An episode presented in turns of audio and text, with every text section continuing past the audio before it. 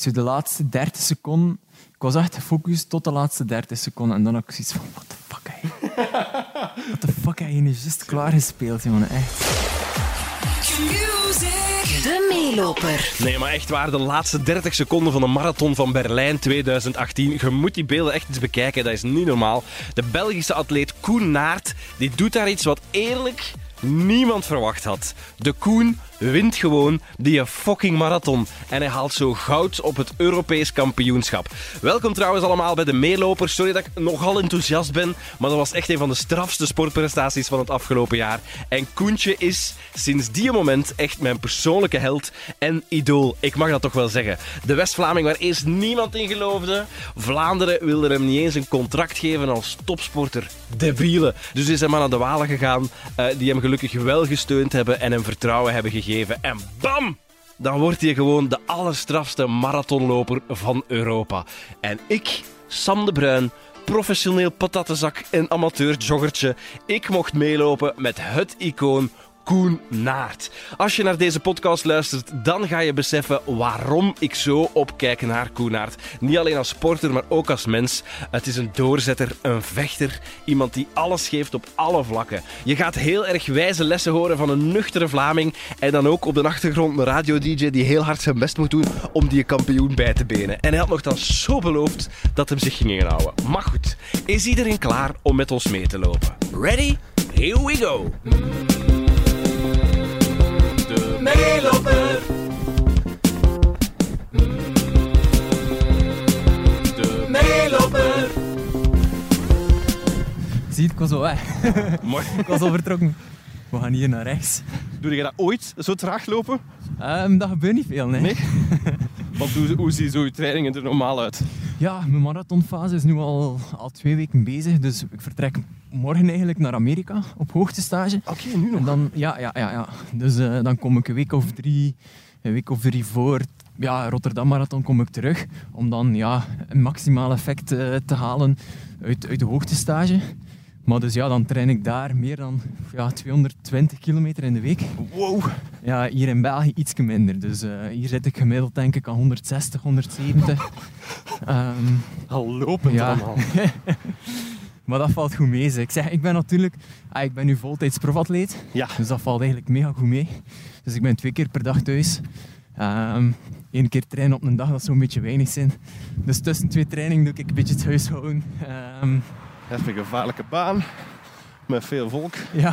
Helemaal uit mijn ritme natuurlijk. Ja. Dus als het nu niet goed loopt, Koen... Uh, Gaan we het daarop steken. Dat is daardoor, hè. Wat was het? Hoppa. Sprintje trekken. Is zalig. Hier een is bosbaantje. Ja, het is, het is, Lekker het is modderig. minim. Het is minim. Als ik ergens een kilometer tekort kom, doe ik altijd nog dat, dat Turken hierbij. Dus, uh... Maar je zegt jij oorspronkelijk zeker een, een veldloper ook, hè? Ik heb vroeger nog veldlopen gedaan, ja. ja. Ik geloof ook nog altijd in de, ja, in, in de sterkte van het veldlopen, maar ja, met naar de marathon over te schakelen ben ik echt een monotone loper geworden. Dus dat wil zeggen dat ik niet meer gewoon ben om, uh, ja, om in de modder eigenlijk uh, te ploeteren en, en bochtjes te nemen. Dus dat is de reden waarom dat ik ja, geen crossen meer doe. Want iedereen vraagt, allee, um, doe de crosscup niet mee? Dit en deze. Ja, maar dat kun je niet meer oprapen. Nee. um, maar dus dat is de reden eigenlijk. Dus, uh, maar wanneer, uh, wanneer beslist je dan om voor het een of voor het ander te gaan eigenlijk? Hoe, um, hoe doe ja, je dat? Dat gaat een beetje vanzelf eigenlijk. Dus ik heb tijdens de marathonvoorbereiding nog geprobeerd om, uh, om te crossen, maar ja, dat ging echt niet. Dus ik was echt bang eigenlijk om, om bochtjes te nemen, om dan een blessure op te lopen. Ik heb lang gesukkeld met mijn Achillespezen. Uh, zo van die dingen. Uh, daarmee dat ik gezegd heb van ja, kijk, uh, voor mij dit jaar niet één, maar geen. Dus geen risico's. Het loopt nu allemaal goed. Ik ben nu lichamelijk perfect in orde. En dat is voor mij het allerbelangrijkste. Wauw. Maar je moet er wel veel moeite voor doen natuurlijk om alles perfect te krijgen en te houden. Ja, tuurlijk. Ay, er, er kruipt daarin heel veel tijd in. Mensen vragen soms, ay, vragen zich soms af van ja, maar ja, wat doe je eigenlijk een hele, ay, ja. hele dag? Ja, ik durf het zo niet vragen, maar ja, als je ja, zelf ik dacht. Ik zag het aan u gezegd. Nee, nee. Dus, um, maar mijn dagen zijn echt zo, zo keihard gevuld eigenlijk. Bijvoorbeeld uh, mijn woensdag ziet eruit, ja, fin klaarmaken. Om hem, ah, ik breng hem dan naar de crash. Ik vertrek direct naar Waregem. Ik zit daar drie uur bij mijn kine. Ah, daarvoor train ik nog. Dan ga ik naar mijn kine. Ehm, keer ik terug, train ik nog een keer. En is het alweer tijd om Vin te gaan halen. En mensen denken dat soms van, ja, ja, je zit de hele dag thuis. Maar ja, ik zeg, ik had één of twee keer in de, in de week naar de massage. Dan eh, ja, de kine, osteopaat, ehm, die, diëtiste. Dus ja, dat vraagt allemaal tijd naar de sportdokter. Ehm, ja, om, om je lichaam in orde te houden eigenlijk. Dus eh, het vraagt, eh, ja, Het is niet gewoon een beetje lopen. Nee, zeker niet. Zeker niet ja. ja, we zijn op een, op een bepaald niveau. Of als je naar een bepaald niveau wilt toewerken, moet je ja, preventief ook gaan werken. Dus, eh, Maar wanneer wist jij dat je op dat niveau wilde presteren? ehm, Want je begint dat uiteraard Ja. als een hobby. Ja, tuurlijk. tuurlijk. Ah, het is voor mij heel lang een hobby geweest. Ik heb ook ai, ehm, vier vijven gewerkt en, en echt een Europese toptijd gelopen op de marathon. Dus dat ging wel. Ehm, dus ik denk ook naar, naar mensen toe, of naar atleten die, die willen toewerken naar de top. Zelfs als ze werken, moeten ze er gewoon in geloven. En soms gaan er deuren open, zoals bij mij, dat ik dan plots ja, die 2 uur 10, 30 liep. In, eh, in Berlijn in 2000. Dus eh, iedereen die nu aan het meelopen is, dus probeer je dat eens in te beelden. Hè. Dus dat is twee uur, tien seconden. 10 minuten, nee. Ah ja, tien minuten, sorry. Ja, 2 uur en 10 seconden, dat zou... eh, Dat zou, dat zou echt heftig daar, zijn. daar teken ik direct voor, hè. Wereldrecord. Eh, Maar dat is wel gestoord. En gelijk gisteren dan ook. Ja, dat je dan ook 10 kilometer. Zo, wat was het, 25 minuten of zo gelopen? Nee, ah, dat zou ook een wereldrecord zijn, dus eh, we gaan hier naar links. Hoeveel was het? Eh, het was eh 28 minuten, Ja, kijk. 36. Wauw. Op die tijd doe ik nog geen 5 kilometer. Ja, doe dubbele. Ja, het was, ik, weet niet dat het komt, maar zo na TK heb ik precies eh, een mentale boost eigenlijk zo gekregen. En eh, ja, ben ik meer een pitbull geworden in plaats van eh, een kefferke. Dus eh, Sinds Berlijn of zo. ja, precies, ah, dat zelfvertrouwen zo. Sinds dat, Van, ik, dat ik kan het en als ik nu gewoon blijf doorduwen en doorpatsen, moeten ze wel een keer kraken. Dus eh, ai, zo, ga- zo sta ik nu in de wedstrijd. Terwijl dat ik vroeger dacht van oei oei, ja, dat gaat hier snel. Ja, ik zou me beter een keer eh, achter iemand zetten om wat te profiteren. Of, Dat is echt zo gelijk bij het fietsen eigenlijk. Dat je in iemand, ja, ja, ja, ja, toch wel. dat je achter iemand blijft hangen. Ja, ik ga niet zeggen dat het zo'n groot verschil maakt als, als in het fietsen. In het fietsen kun je echt waaiers trekken en zo. In het lopen is dat iets minder.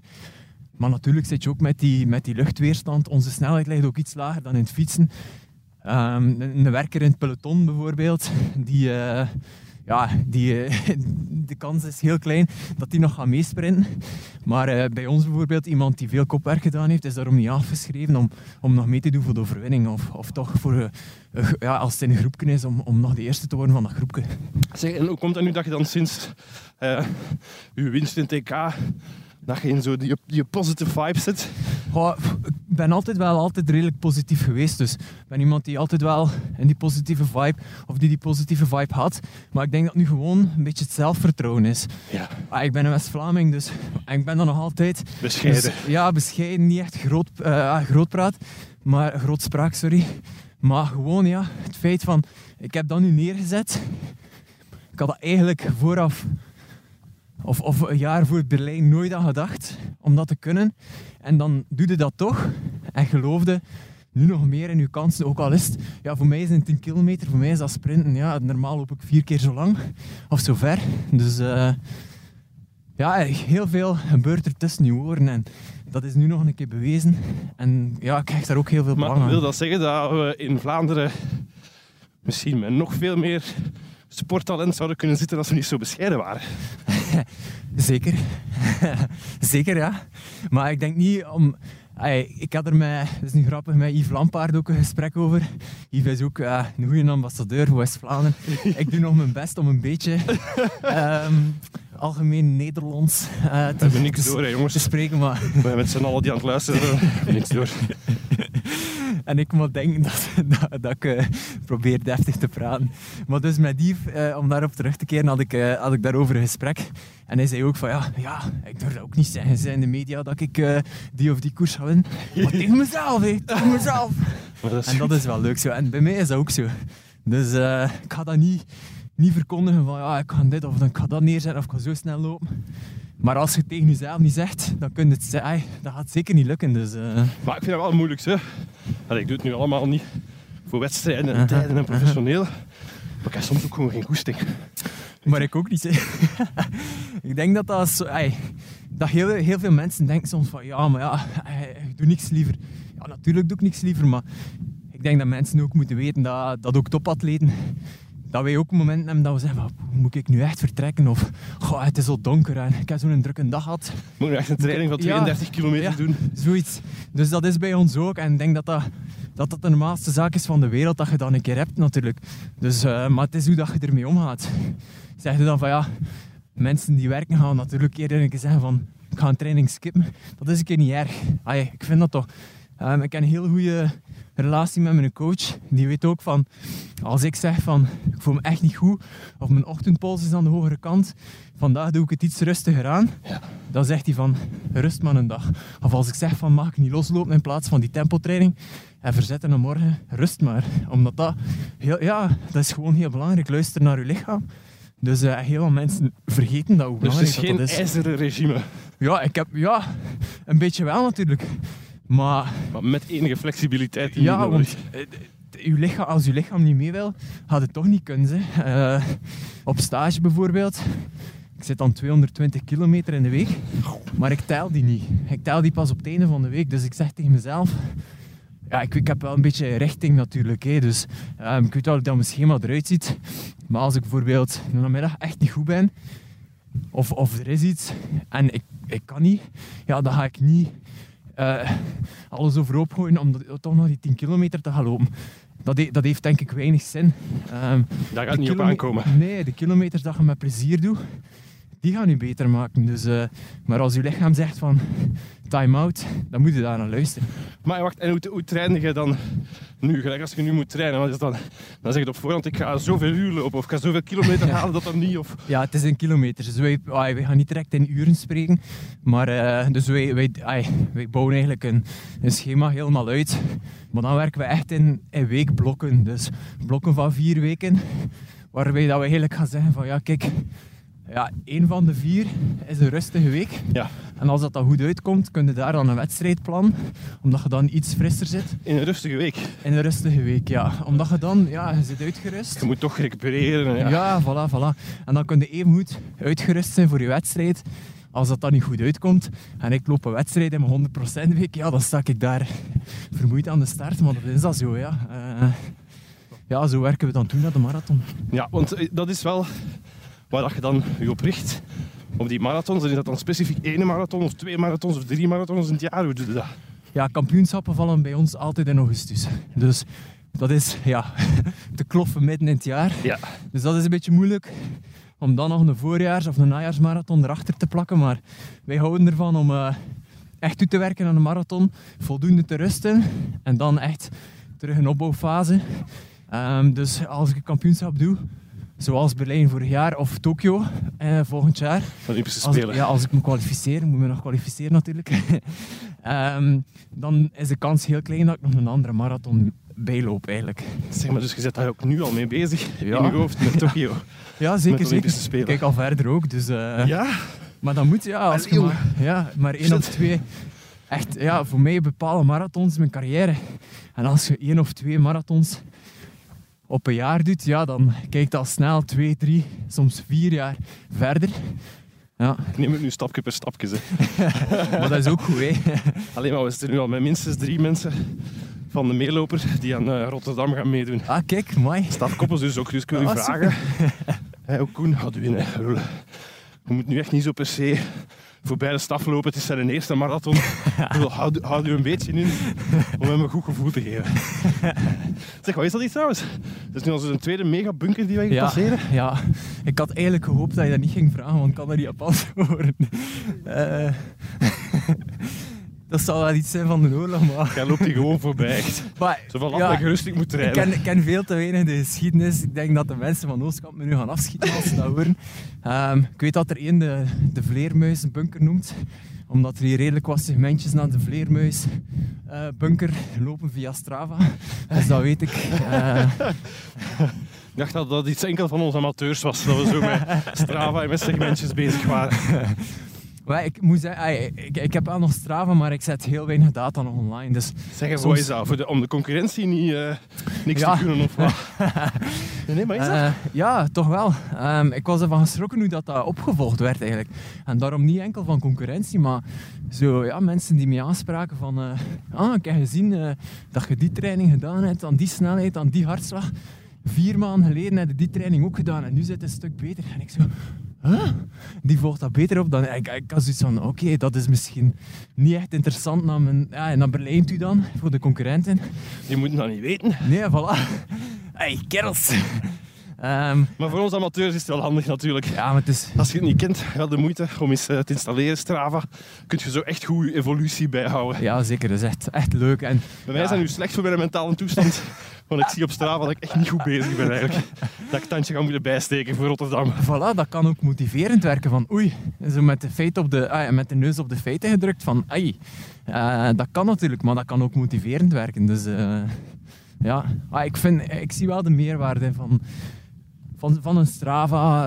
eh, ja, dingen om mensen te stimuleren om te gaan bewegen. Ik zie dat nu bij mijn schoonpapa. Ja. Die, eh, ja, die heeft van mij een oude horloge gekregen. Die, eh, ja, die met Strava kan connecteren. Dus ja, die wil nu niet onderdoen voor zijn collega's. dus dat is wel leuk om te zien hoe gemotiveerd dat hij is. En ook niet onderdoen voor zijn, voor zijn middelste dochter, die heel dikwijls gaat lopen. Dus, en er zijn er soms wat dingen te winnen. Eh, er is zo ja, een Strava-groep. Ehm, wat is het nu weer? Eh, Strava-runners. eh 8800, dat is de postcode van Roeselaar. en hij wil zo echt per Daar de kampioen zijn. ja, per se zo'n t-shirt winnen. Oh my god, En, eh, ja, het is hem nog niet gelukt, dus hij probeert en hij probeert en hij loopt en hij loopt om die kilometers te halen om toch ooit een keer zo'n t-shirt te winnen. Allee, jong. Dus moest eh, hij de, de, de beheerder van die groep dat horen, Rick Capelle. Kom, gunt hem eens iets.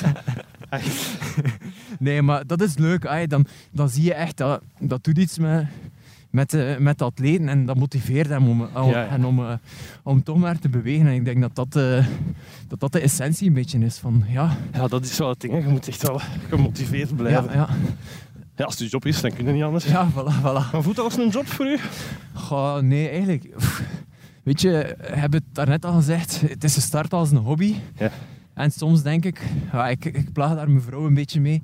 Die werkt echt ja, mega hard.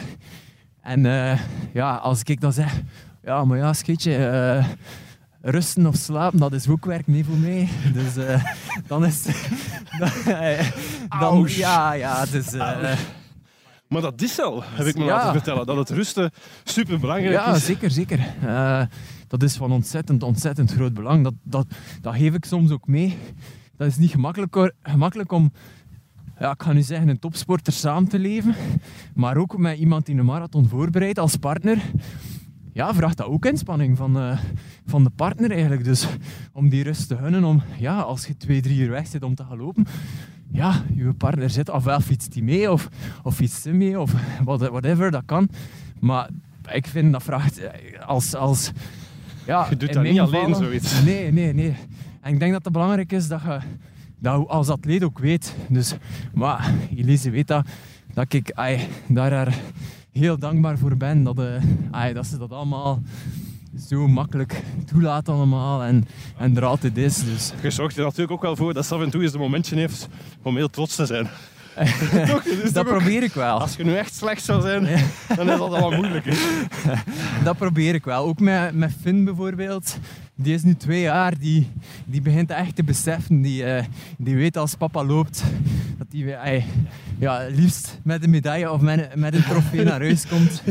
Dus dat is wel leuk. Dat is echt, echt heel leuk, twee jaar. En, en dat al weten, papa medaille, papa Nederland lopen. Ah, dat is, ik krijg dan van die filmpjes als die niet mee zijn. En ja, gisteren bijvoorbeeld, dan dacht ik daar ook aan. Die zegt dan, kom aan papa. En ik kreeg dan zo'n filmpje en dan denk ik in de koers als ik het moeilijk heb, kom aan papa. En dan, ah, dat is wel leuk. Dat is wel leuk. Want hoe, eh, hoe zorg je dat je je hoofd op orde krijgt? Is dat, is dat mede taak van je coach om daarvoor te zorgen? Of heb je daar je eigen dingen voor? Eh, ik heb daar een beetje mijn eigen dingen voor. Dus eh, ik doe eigenlijk aan transcendente meditatie. Dus dat is twee keer per dag dat ik 20 minuten mediteer. En ik ben daarmee begonnen in 2012. en dat heeft me echt, echt gewend. En, en kunt je dat, dat uitleggen of iets dat is voor mensen die nu denken Ja, van, wow, wow, ja. wow, wat is hier aan het doen? What's he talking? nee, dat, dat is eigenlijk ehm, een, een ja, speciale te- meditatietechniek die ik eigenlijk aangeleerd heb. Ehm, met een soort, ja, met een mantra eigenlijk, dus een bepaalde klank waarmee dat je in, in een diep, diepere toestand van slaap gaat. Dus het is heel moeilijk om, om dat te verklaren, maar Ja, als je dat meegemaakt hebt, dan voelde je echt van, wow, dat is echt iets raars. Eh, het is iets van mensen ik- die niet weten waar het over gaat, dat die denken van, wat, is, wat, wat paddenstoel net hier weer gepakt? Oké, stop, die pod- ah, stop die podcast hier, mooi. Nee, nee, maar dat is toch. Ah. Je gaat waarschijnlijk ook ooit een moment gehad hadden, hebben in het begin, dat je dacht van, ja, maar wacht eens, wat is deze eigenlijk? Ja, ja, want eigenlijk was die Lise die zei van ja, misschien moet je dan een keer proberen. Ik had zo, ik loop al heel lang, ik loop al van mijn zes jaar competitie. En op een bepaald moment, ja, op, op belangrijke momenten liet ik het afweten. Dus mijn benen blokkeerden en ik benen. En ik zei van ja, nogthans geloofde ik ook in mezelf van ja, kan het en bla bla bla. Maar onderbewust zat er daar ergens iets die ervoor zorgde dat ik op dat moment toch ja, te veel onderbewuste stress had. En eh, dan ben ik beginnen mediteren. En ja, hoe langer dat ik het nu doe, hoe beter dat ik die techniek onder de knie heb. En hoe makkelijker dat alles gaat. Maar het is wel een speciale vorm, want ik ben, dat is nu grappig dat je dat zegt. Ik heb heel veel slaapproblemen gehad, jaren aan een stuk. En ik ben een jaar geleden ook begonnen met, met meditatie. Via een kei toffe app. Headspace. Dat is echt mega cool, omdat dat heel gewoon is. Ja, En ja, voor mij was dat nodig, ja, ja. dat dat een heel gewone stem Ja, is. ja, ja. Die heel gewoon uitlegt wat dat meditatie is. En heel gewone oefeningen geeft. Maar sindsdien is mijn leven echt veranderd. Dat is wel echt zot. Ik, ik kan daar zeker... Ja, inkomen kan het zelfs begrijpen, want ik heb het zelf meegemaakt. Dus, maar er zijn heel wat, wat verschillende soorten technieken. Waarom bij mij transcendente meditatie? Omdat ik daar toevallig bij terechtgekomen ben. En ITM, eh, de afkorting is TM, is eigenlijk eh, de enige wetenschappelijke, wetenschappelijk bewezen meditatietechniek. Dus er is echt heel veel onderzoek naar gebeurd. Ehm, ook eh, vooral in Amerika dan. Ehm, gevangenissen, scholen die in een achtergestelde buurten eigenlijk. Iedereen kreeg eh, TM aangeleerd. En eh, ja, dan, dan zagen ze bij de reïntegratie in de maatschappij eh, dat, dat die mensen zich veel makkelijker terug integreren in de maatschappij dan, ja, voor, dan tientallen jaren voorheen. Dus dat die TM echt wel iets teweegbracht. Ook in scholen. Ja, ik ken dat de ghetto-scholen, weet Ja, ja. in Amerika. Ehm, maar die dan echt, ja, eh, gingen verder studeren, die anders geen toekomst hadden, die nu echt, ja, heel wat bereikt hadden. Wauw. Maar denkt u dat iedereen het kan? Ja, ik denk dat iedereen kan mediteren. Ja. Eh, maar ik denk dat vooral consistency belangrijk is. Dus dat je niet... Je, eh, dat denk ik persoonlijk. Dus Ja. ik doe dat nu al van sinds 2012. Maar je moet waarschijnlijk aan veel mensen uitleggen dat dat geen jingle-changel is. Ja, Toch? ja, ja. Dat is toch de eerste reactie Maar- van veel mensen? Ja, dat is, dat is. Maar ik, dat is denk ik iets waar dat je... Alles begint met intrinsieke motivatie. Als je aan jezelf wil werken, is dat iets waarvoor dat je open staat. Ja. Ik stond daar ook niet direct voor open eigenlijk. Eh, ai, voor open wel, maar ik stond er zo'n beetje sceptisch tegen. Totdat ik eigenlijk zo ja, infosessie meegevolgd had. En eh, zelfs dan nog had ik zoiets van, ja, ja, ik weet het niet. En Elise zei van, allee, dat gaat echt een investering zijn in je leven. En ik zei van, ja, misschien is dat wel waar. En natuurlijk, ja, je moet altijd luisteren naar je vrouwtje. Dus eh, ik heb dat dan gedaan en ik kan nu echt zeggen van, kijk, dat heeft echt niet alleen mijn sportcarrière beïnvloed, maar dat heeft ook eh, mijn leven beïnvloed eigenlijk, hoe dat ik in het leven sta. Maar denk je Dus, dat dat eh, u meegeholpen heeft naar uw winst op TK? Daar ben ik van overtuigd, ja. Ja, ja, ja. Dan is dat toch iets om te overwegen. ja, ik denk dat je het moet ruimer zien dan, dan sport natuurlijk. Ja? Maar ook eh, ja, in mijn gewone leven, hoe dat ik in het leven sta. Ik merkte direct het verschil toen dat ik twee weken mediteerde. Ik werkte toen in Neder-Overheemlik, dus we woonden toen in Aalst. Maar ik stond altijd mega lang in de file. Ja. Ik kon soms echt het stuur van mijn dashboard trekken uit frustratie. En na twee weken mediteren had ik zoiets van... eh allee, waar is dat gevoel om dat stuur hier van mijn, dash, van mijn dashboard te trekken? Dus dat was weg. Die innerlijke... Dat was weg. En had ik frustratie van, weg, eigenlijk. Ja, dan had ik zoiets van... Amai, dat marcheert hier echt wel goed.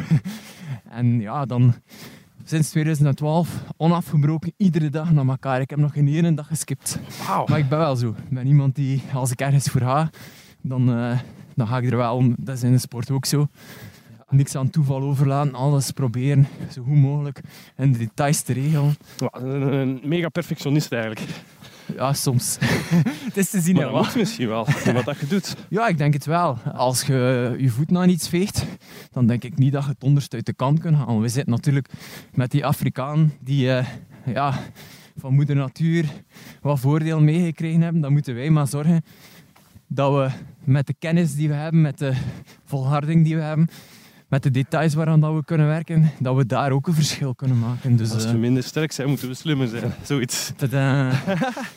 om het eh, kort en bondig Wauw. uit te leggen. Soms zeggen mevrouw, jongen, waarom leg je altijd alles zo lang uit? Dus eh, Ik denk dat dat iets West-Vlaams is.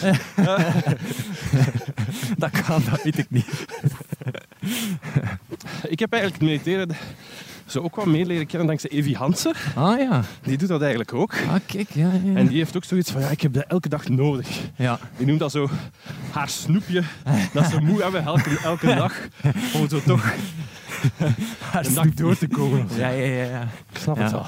Ik doe het natuurlijk ook iedere dag, maar ik zie het nu niet als een snoepje. het is hoe dat het bekijkt natuurlijk. Maar het is wel iets, gewoon ook... Ja, soms ga ik gaan, ga ik gaan slapen en denk ik, het was zo druk geweest. Oh, ik heb nog niet gemediteerd. Dan moet het nog de... En dan, ja, dan wil ik gewoon die een dag niet skippen. Ik heb bijvoorbeeld ook nog nooit opgegeven in een wedstrijd. Zijn, er- zijn, er er zijn wel andere mensen die dat wel doen. Die Ja, zeggen van, ik haal ja. het niet meer, dan Ja, stop ik ja. beter. Of ik loop hier, eh, ik loop hier maar een tiende, of ik zou beter stoppen, dan sta ik niet in een uitslag. Ik ik Geen quitter. Nee, geen quitter.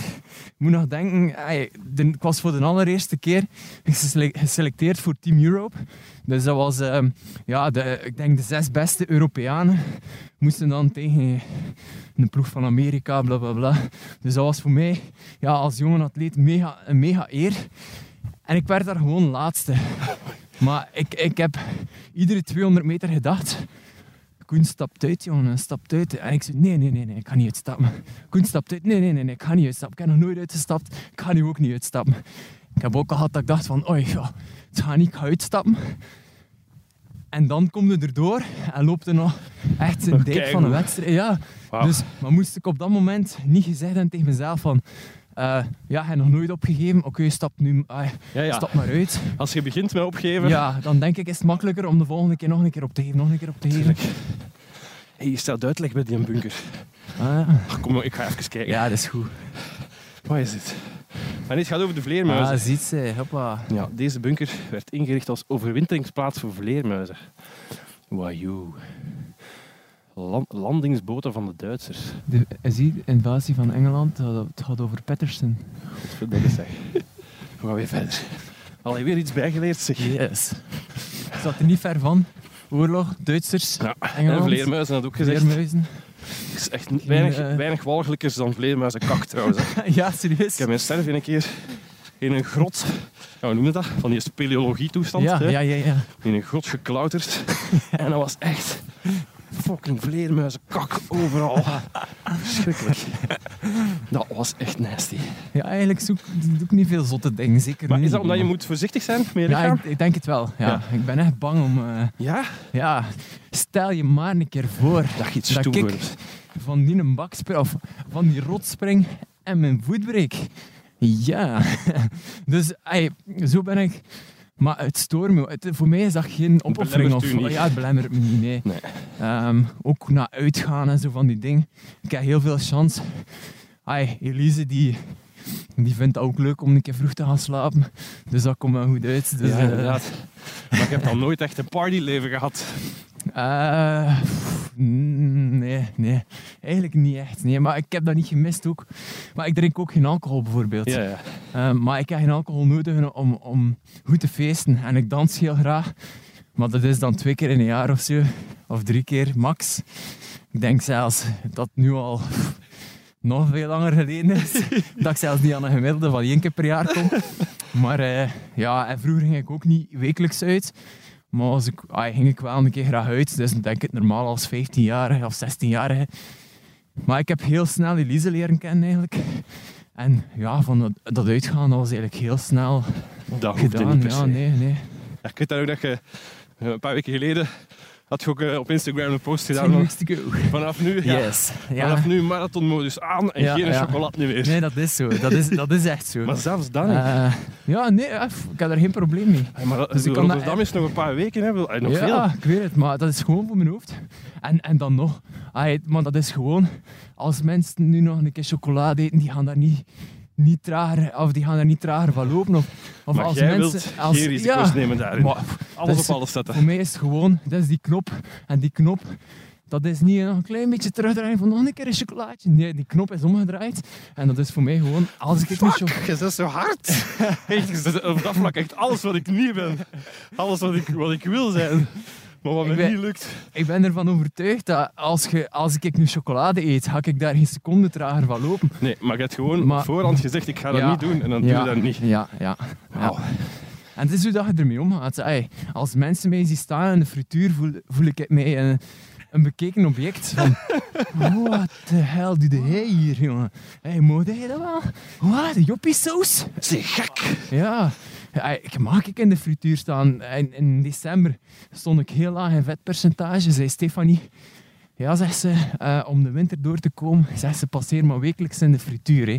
En ik, alright. Dus ik heb dat gedaan en ik sta nu perfect. Dat is dan zo in uw niet-wedstrijdsperiode. Ja, ja, dat kan helemaal. En, en dan nog, eh, ik heb ik in december ook wedstrijden gelopen. Als ik dan een keer een frietje eet, ja, eh, dat, kan, dat kan geen kwaad. Als je er geen zorgen over maakt, dat je zegt van, als je een week bezig zit, oei, oei, oei, ik kan, nu, kan nu wel een frietje eten, zeker? Hadden er meer Last van hem. Ja, last ja. van hem dan van het frietje dat je gegeten hebt. Dus Veel van de mensen in de podcast zeggen van ja, ik ga gaan lopen om eh, mijn hoofd wat leeg te maken. Ja. Of als er zoiets negatief gebeurt. Maar ja, ja. dat is zo bij u niet echt de reden om te gaan lopen. Nee, maar ik vind, als ik ga lopen, mensen vragen soms, en met welke muziek ga je lopen? Geen. Huh? Wat? Had je lopen zonder muziek? Ja. Ik, eh, bij mij gaan lopen, dat is zo... En echt niet. Nee, heel zelden ga ik muziek je loopt gaan echt uren, uren, uren. Ja, pff, kijk ik daar geen En ook muziek geen voor nodig. podcast. Eigenlijk niet. Nee, als ik... Ey, like nu, als in het huishouden, dan luister ik naar al zo'n ding. Ja. Muziek, podcasts. Als ik, als ik eh, de was aan het plooien ben. Ja, als ik maar aan niet het tijdens koken lopen. En wat, wat gaat er dan wel in uw om als je aan het trainen zijt en aan het lopen bent? ben. Zoveel. Ja? Mijn, mijn, hersens, dat wer- ey, mijn hersenen, dat werkt dan aan, aan 100% als ik aan het lopen ben. Goede ideeën voor mijn studies, goede ideeën voor mijn planning, trainingsideeën, wat dat ik in de toekomst wil. Hoe dat ik, ja, Leidt u dat dan niet af van, van, van uw lopen? Oh nee, nee. Nee. Maar ja, ik zeg, bij mij, ik kan altijd makkelijk praten. Een van mijn grote talenten is, is dat ik mijn lichaam zo goed ken. En ik denk dat dat, zo, dat, dat voor mij zo makkelijk is om, om al die dingen. Ik ben soms zo een goede multitasker. Eh, het is nu niet om als je loopt en kunt nadenken dat je, dat je ook een multitasken maar Nee, nee, maar ik snap wel wat Eh. je wilt zeggen. Doordat jij inderdaad zo je lichaam door en door kent, er daar niet meer zo mee bezig. Want Ja, dat is voilà, een van de dingen dat ik merk met de andere mensen met wie ik loop. Uh-huh. Maar dat lijkt niet veel klappen in de podcast. maar ik merk dat die veel meer vertellen tegen mij al lopend, Ja. dan dat ze in een interview zouden Ah, vertellen tegen mij. Ik, Omdat ze door dat lopen helemaal vergeten dat ze bepaalde dingen niet mogen zeggen ja, tegen mij. Ja, ja. En ineens vertellen ze alles. Ja, nee. Ik denk dat je veel meer loskrijgt, of dat er veel meer dingen verteld worden op op- via lopende podcast, dan dat je zo, ja, een interview heeft eh, voor, voor elkaar. Maar als ik met andere mensen ga gaan lopen, dan is dat... blablabla. Je doet dat Dat wel met andere mensen lopen. Is niet Ja, dat, soms wel. dat het Heel een soms. extreem eenzame ding is. Het is wel eenzaam natuurlijk. Ik, ik ben hier in de buurt een enige profatleet. Dus ja, het zou een beetje zot zijn dat ik heel de dag thuis zit. En als mijn vrouw thuis komt, ciao kus. Yo. Ik ben gelopen, nee, you. Dus ay, daarmee probeer ik echt ja, twee of drie trainingen over, overdag te doen. En dat ik, thuis, ay, dat ik s'avonds thuis ben om, om Finn van de crash te halen, om eten, te- om eten klaar te maken, tot, ay, tegen dat Elise thuis komt. Dus eh, ja, Zo verbeeldig. soms is soms. Maar dus je bent ook nog bezig met studies ook nog op Ja, dit moment. ja, ja, Want wacht, want je hebt, je hebt dus inderdaad lang als verpleger gewerkt. klopt. Ja. En dat is nu voorbij dan. Ja, ja, dus ik heb eh, ja, de kans gekregen om eh, ja, van mijn hobby mijn werk te maken, als ik dat zo mag zeggen. Dat was in 2016, dus het jaar van, van de Olympische Spelen in Rio. Maar ik miste echt, ja, ik miste het werk, ik miste mijn collega's. ik miste mijn patiënten. En eh, ja, dat 2016 was eigenlijk mijn eerste jaar als prof. En echt wel een moeilijk jaar eigenlijk. En dan zei ik zo van, is dat echt wel hetgeen dat ik wil? En ja, weet je, hebt veel tijd om na te denken nee, als je veel gaat gaan lopen. En dan heb ik zoiets van, ja, misschien moet ik weer terug een stukje gaan werken. Maar als verpleegkundige, ja, zit je met weekendshiften, Ja, ja. zit je met vroege, late, gesplitste nachten. En dan heb ik zoiets van, ja, maar mijn hoofdjob is nog altijd topsport. En dan zeg ik van, ja, wat kan ik dan gaan doen? Ah ja, dan gaan we gaan studeren. hè. Dan blijf je in, de, in het wereldje. Ja. Ehm voilà. Dus, En wat eh, studeer je dan? Ik ben momenteel eigenlijk bezig met een postgraduaatopleiding diabeteseducator. Vorig jaar heb ik het eerste jaar afgewerkt van mijn postgraduaat wondzorg en weefselherstel. En volgend jaar doe ik mijn tweede jaar postgraduaat um, wondzorg en weefselher- weef- weefselherstel. Maar omdat er dit jaar te weinig inschrijvingen waren, is de opleiding een jaar verschoven naar, naar volgend jaar. Dus alles hangt zo wat samen met hetgeen dat ik graag doe. Nu ook, ah, die diabeteseducator, echt mega, mega interessant. En doe je dat nu om je bezig te houden of omdat je daar ook wel nog iets mee wilt gaan doen later? Ja, ik wil er wel iets mee gaan doen later. Dus eh, ik had het gevoel als ik... Ja, eh, stel dat ik de kans kreeg om, om twee Olympiades, dus acht jaar als profatleet door het leven te kunnen gaan, dan, dan heb ik ah, zo gezegd acht jaar niks gedaan met verpleegkunde. Als ik dan terug in het werkveld kom, zou ik mezelf dan nooit kunnen vergeven dat ik acht jaar daar niks mee gedaan heb. Net zoals ik voor de sport alles geef, gaf ik alles op mijn werk ook. En dat was een goed evenwicht. Ik was in Nederoverheenbeek, in het brandwondcentrum. Als ik daar begon, als ik daar binnen stapte, was ik er 100% voor mijn patiënten en mijn collega's. Stap ik daar buiten, was ik ja, 100% topatleet. En dat was voor mij een heel goed evenwicht. En na 2016 heb ik dat evenwicht terug gaan zoeken eigenlijk. Door ja, topsport en studies te combineren terug. En ja, je leert heel veel bij. Je blijft netwerken in die wereld. Je blijft erbij. En als ik terug in het werkveld zal stappen na mijn carrière... Dan zijn we niet volledig Dan, weg geweest. Voilà. voilà. Dus, en dan kan ik net zoals vroeger ja, terug een goede, ja, goede verpleegkundige zijn voor de patiënt. En ik denk dat dat wel ja, prioriteit is. Wat wilt je op sportief vlak echt nog doen? Wat moet er echt nog op dat palmares komen? Ja, niks moet natuurlijk. ik wil gewoon echt wel nog, eh, nog een stuk van mijn PR. Ik heb nu die Europese titel. Ja, eremetaal op een, op wereldniveau. Dat zou echt fantastisch zijn, maar ja, met die Afrikaan is dat natuurlijk niet, niet makkelijk. Maar ja, we, gaan er, we werken er wel hard voor en dan zien we wel wat, dat er, wat dat ervan komt. Staan er dan mensen versteld van zo'n eh, prestatie als die van u dan? Waar ze altijd of de Kenianen of de Ethiopiërs de gedoodverfde winnaars zijn. en dan ineens gaat hier onnozel West-Vlaming daar even voor dat goud. Ja, ik denk dat er heel weinig mensen daar rekening mee hadden gehouden. Dus eh, ook een grappige anekdote was eh, de persconferentie van ja, Team Belgium. Dus voordat eh, het team naar eh, Berlijn ging, de week daarvoor, was er een persconferentie met de, de atleten werden voorgesteld, eh, foto's werden genomen, eh, zo van die dingen. eh. En dan zo ook de medaillekandidaat naar voren geschoven. En ik zat daar niet tussen. En ik had zoiets dan al van... Nu gaan we eens pakken. Ah. en ik kwam buiten en ik zie Mark Willems van eh, Sporza. En hij zo, Koentje zegt hij. Eh, hey, stond er niet bij, zegt. Tussen de medaillekandidaat, maar zegt, ik weet beter, ze zeggen, we gaan volgende week zien. en inderdaad, ja, hij was er echt van overtuigd dat ik ging eh, een medaille halen. Maar zegt hij, houd, dat had ik niet verwacht, maar godverdikke, uh, ik gun het u, ze zeggen. Wauw. Dus dat was wel leuk. Heel weinig mensen hadden mij daar verwacht, maar ik had voor mezelf, ik had mezelf wijsgemaakt dat ik dat daar ging, ging flikken. Dus eh, Ongelooflijk, hè? die kracht van uw eigen dingen Ja. wijsmaken. zeker. Dat is echt hoe dat ik die waar. marathon van New York gedaan heb. Als totaal een niet-sportieveling. Gewoon mijn eigen wijs gemaakt dat ik die finish ging halen. Ja, dat is fantastisch. Zeg, ik was wel geschrokken deze week, of vorige week was het, van een bericht in de krant. Ho- Hoeveel doping er in een atletiek zit. Waar dat we altijd denken van, het wielrennen, dat is doping, doping, doping, doping. En, en bleek de atletiek zo Ja, ja. ongelooflijk vol zit, ja. ja, ik denk dat dat... eh, ja, we moeten niet naïef zijn natuurlijk. Maar je moet natuurlijk ook niet iedere prestatie in vraag gaan trekken. Maar ik heb ja, de reportages van de Duitse eh, onderzoeksjournalist Hajo Seppelt gevolgd. Dus eerst die twee documentaires over Rusland. Ja, ja. En dan een documentaire over Kenia. En dan had ik echt zoiets van... Godverdomme. Wat?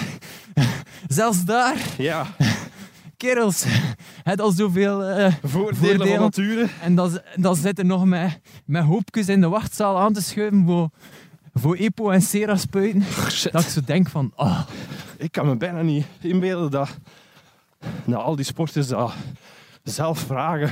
nee. Of wel? Nee, nee. Wel, kijk, ik zit nu al pff, ja, 23 jaar. Natuurlijk, bij de kleintjes stelt dat natuurlijk niet.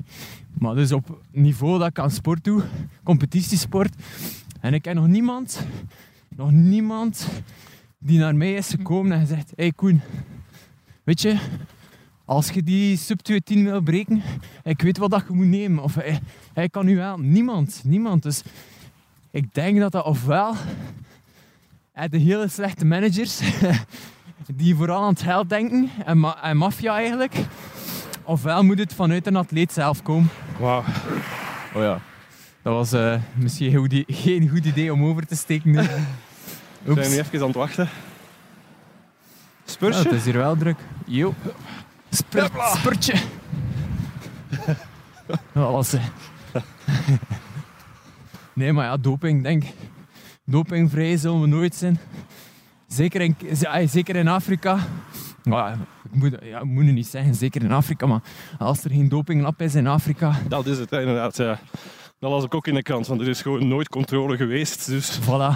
En dus dat wil, wat wil dat zeggen? Dat de WADA iedere keer iemand moet sturen. Dus dat kost al veel geld. En ze lopen daar echt in bosjes. Dus ja, er moet gewoon, er moeten gewoon zoveel dingen veranderen. Ik zei, ja, ik, ik vul ik ook mijn whereabouts systeem in. Van mij mogen ze, van mij mogen ze mij iedere dag komen controleren. Geen enkel probleem als ze dat bij iedereen doen. Ja. Eh, ik heb daar geen probleem mee, ik heb niets te verbergen. Heel veel atleten zeggen toch, oh, en ze stonden hier om 6 uur aan de deur. Ja, als je uurslot zet tussen 6 en 7, kunnen ze om 6 uur aan de deur staan. Nee, ja. Dus jij moet wel zo een soort schema geven van je mag mij Ja. tussen dan en dan Ja, komen lastigvallen. Maar het is niet dat wij echt... Ai, het is nu niet dat ik heb moeten zetten tussen 3 en 4. Ben ik met eh, Sam de Bruin gaan lopen of zo? Nee. Dan is er straks controleren ze dus, eh, mij, laat het eens zeggen. Alsjeblieft. Maar dus, ai, als je uurslot zet, weet je dat je kunt gecontroleerd worden.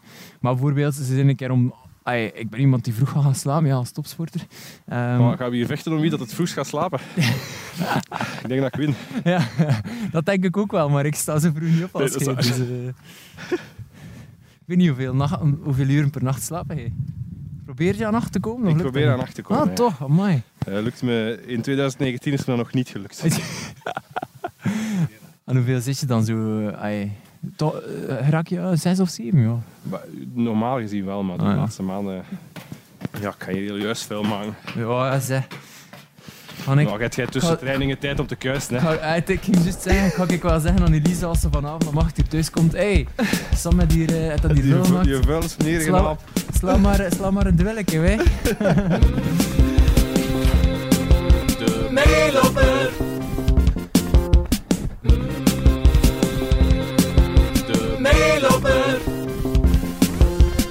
Kunt je nu geloven dat er een of andere sukkel van een Vlaamse sportfederatie ooit tegen Koen Naert gezegd heeft: Nee, jongen, jij een topsport, dat gaat niet marcheren.